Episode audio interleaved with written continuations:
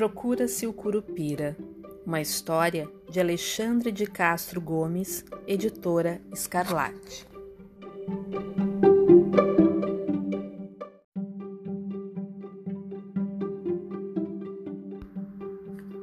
Capítulo 13 A Lua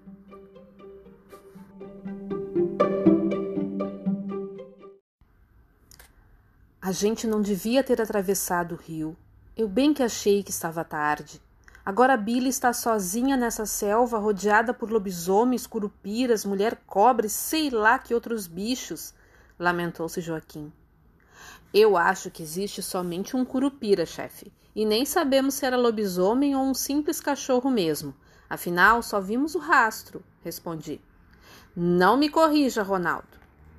Hum, eu queria perguntar uma coisa para vocês Barnabé estava aguardando essa pergunta já tinha algum tempo. Não pude deixar de ouvir lá no Cascudos que o tal menino não é um menino. É isso mesmo? Eu e Joaquim nos fitamos em silêncio. Ele fez que sim com a cabeça. É isso mesmo. É uma criatura dessas que dizem existir por aí. Algumas delas são de verdade, sabia? O delegado encarou o jornalista quase que de forma desafiadora. Eu começo a achar que todas elas existem, respondi. Calma, calma. Eu sei que existem, disse o jornalista. Por isso quis vir com vocês. Eu acompanhei as investigações sobre o assassinato do Saci. Aliás, meus parabéns. Tenho recortes de jornais daquela época guardados em casa. Podemos tirar uma selfie para mostrar para a turma lá no jornal? Joaquim ficou agradavelmente surpreendido. Acostumado a escutar piadinhas de jornalistas, era a primeira vez que alguém pediu uma selfie. Deu seu melhor sorriso e pousou para a foto. Ah, mas então, me diga, você não acha que esse Romãozinho deveria sofrer um pouco as consequências de seus atos, já que não é mais uma criança? Eu soube de cada maldade que ele fez que nem te conto.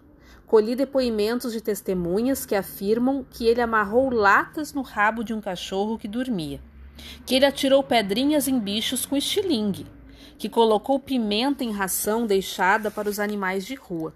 Dizem que os psicopatas começam praticando maldades com os animais. Estou dizendo que esse Romãozinho é o pior que o psicopata que a psicopatia pode oferecer. O moleque não tem salvação. Não sei. Pode ser. Mas é preciso que alguém preste queixa primeiro, e ele deve ser pego cometendo um crime. Gente, olhe só, a chuva está parando, observei. Vamos atrás de Billy. Não tínhamos tempo a perder. Billy já estava sumida havia quase uma hora. Nos levantamos, lanterna em mão e cacetete na outra, e seguimos por onde achávamos que ela tinha ido. Fomos devagar, ouvidos ligados e olhos abertos, apontando o facho das lanternas para cada sombra ou lugar onde suspeitávamos que nossa colega pudesse ter se abrigado da tempestade. Andamos e andamos e chegamos a uma parede de pedra. Soube depois que era a mesma com que Billy havia se deparado, mas estávamos a uns cinquenta metros para o oeste de onde ela havia parado. Em vez de seguirmos em sua direção, resolvemos contornar a pedra pelo outro lado. Assim fizemos até chegar à boca escura e cheia de dentes de uma caverna. Digo dentes porque as estalactites e estalagmites que havia por ali lembravam dentes mesmo. Billy pode estar, pode estar lá dentro, por isso não vimos mais a lanterna. Pode ter entrado para se proteger da chuva, observou Joaquim. Pode ser também onde o Curupira escondeu o Romãozinho, comentei. Será? Você acha que ele nos atraiu até uma armadilha? Hum, é possível.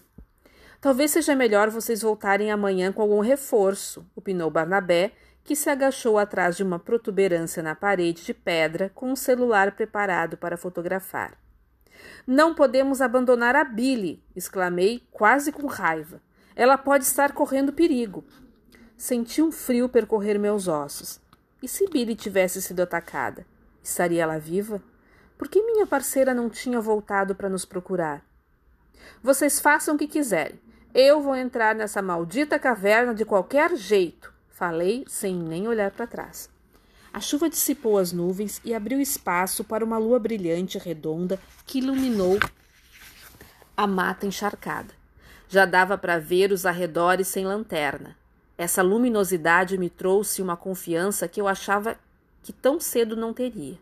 Olhei para Joaquim e percebi nele a mesma disposição que a minha. Sei que o delegado gosta de bancar o durão, mas no fundo é um coração de manteiga derretida. Sei também que ele estava morrendo de preocupação com sua ex-parceira. Quem não estaria?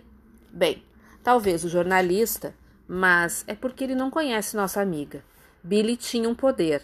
Ela era impetuosa, às vezes até meio convencida, mas nos inspirava a sermos melhores. Queríamos nos mostrar mais fortes perto dela. Eu queria.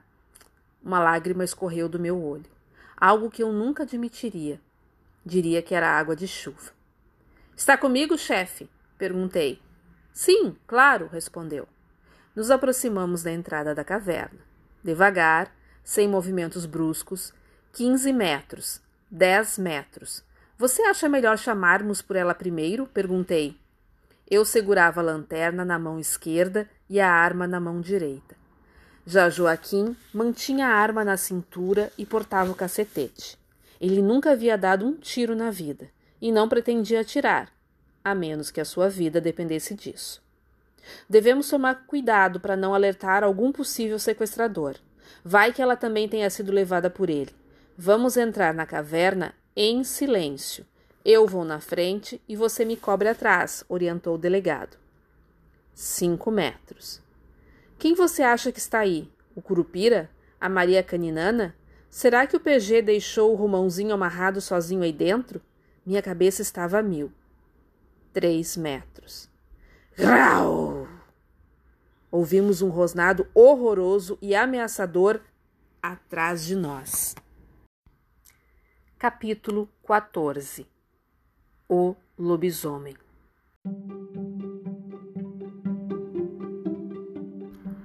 Capítulo 14 O lobisomem.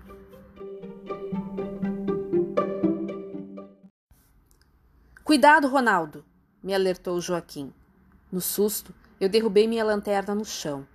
Atrás de nós estava um lobo gigantesco, como eu nunca tinha visto na vida.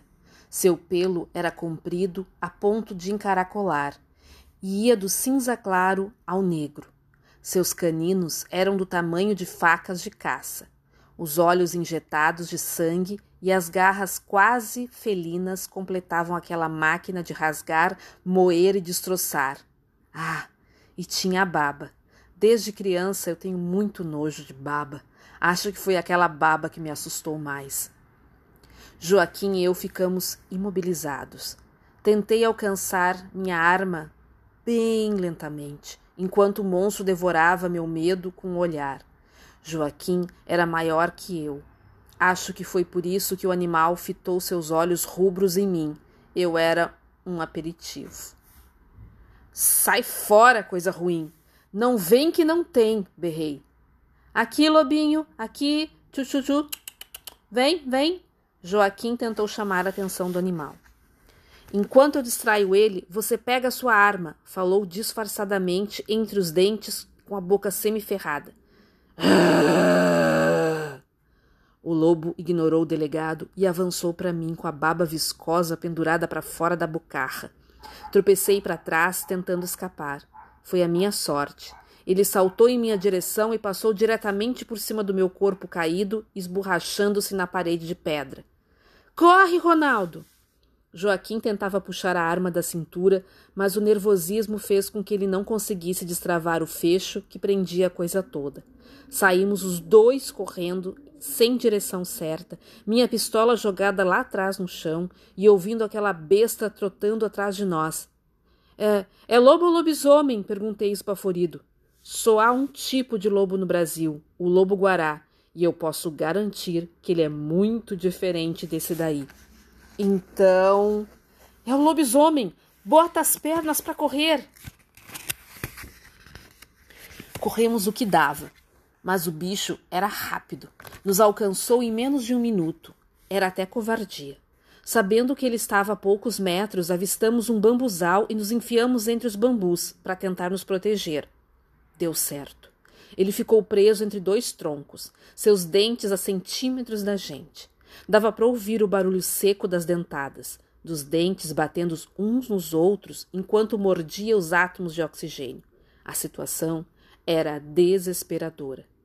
Se ele nos morder, já era. Viramos lobisomem também, uh, não é assim? Perguntei, aflito, tentando me desviar daquela babinha nojenta que cismava de balançar para cima de mim. Ouvimos os estalos dos bambus rachando. Aquele espaço estava comprometido. Não conseguiria segurar a criatura por mais tempo. Barnabé, ajude aqui! gritei. Pega minha arma. Você acha que aquele jornalista vai se arriscar pela gente? Ele deve estar filmando essa cena toda para ganhar o tal do Pulitzer que ele deseja. Vamos voltar para a caverna enquanto essa coisa ainda está agarrado no bambu. Podemos nos esconder lá dentro e torcer para que ele pegue algum caminho errado, sugeriu Joaquim. Dito e feito, ou quase. Saímos do meio dos bambus e corremos de volta para a caverna. Já dava para vê-la diante quando algo me derrubou na lama. Era ele. O lobisomem escapou dos bambus e nos perseguiu finalmente pulando com as patas da frente nas minhas costas e me jogando no chão. Consegui me virar e vi o monstro, que pisou no meu peito com a pata direita e rosnou furiosamente. Senti seu hálito no meu rosto. E pior, aquela substância viscosa escorreu para minha bochecha e meu pescoço. Bam! Bam! Bam! Bam! Contei quatro tiros. Todos acertaram o lobisomem no lombo. A cada choque de bala de chumbo, o seu corpo estremecia. Por incrível que pareça, o bichão não tombou. Os projéteis não perfuraram seu couro nem o feriram. Possesso de ódio, ele se esqueceu de mim e mirou o atirador. Joaquim estava com a arma ainda fumegando na mão, a cara mais assustada do mundo, como se tivesse vendido a alma para o revólver. O delegado fechou os olhos. Sabia que não adiantaria correr. Já não tinha mais fôlego.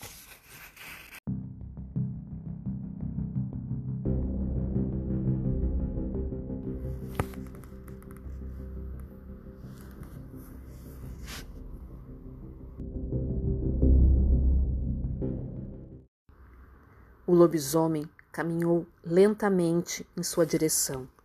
Parecia saborear o terror que meu colega sentia. O animal se agachou para depois saltar na vítima.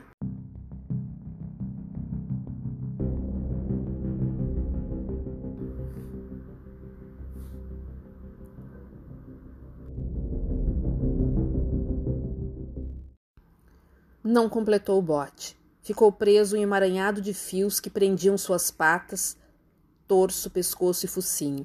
Tentou desesperadamente se contorcer para se livrar do abraço, mas a cada movimento mais preso ficava.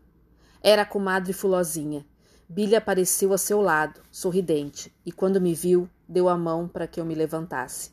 Você está bem, Honey? Vocês precisam ferir o lobisomem, tirar sangue dele para que ele seja destransformado, informou a moça com flores no cabelo. Mas não encostem no sangue enquanto ele ainda for lobo. As cores e as ideias voltaram ao rosto e à cabeça de nosso chefe. O delegado levantou o cacetete e deu uma paulada forte no focinho do bicho. Um dente chegou a voar longe e um fio de sangue escorreu pelo grande nariz molhado. Joaquim levantou e agora quebrado o cacetete novamente, mas não precisou dar a segunda traulitada. O bicho desfaleceu e a comadre o soltou no chão. Os três policiais ficaram atônitos ao ver o corpo de Barnabé Filó deitado antes onde antes estava aquele lobo monstruoso. Não acho que foi ele quem pegou Romãozinho, comentou Joaquim. Ele se transformou na lua e o sequestro se deu de dia. Os rastros eram antigos ou eram de um cachorro mesmo. E agora? Vamos invadir aquela caverna ali? Billy olhou para a boca cheia de dentes da montanha. Billy e a comadre fizeram bolas com chiclete de uva.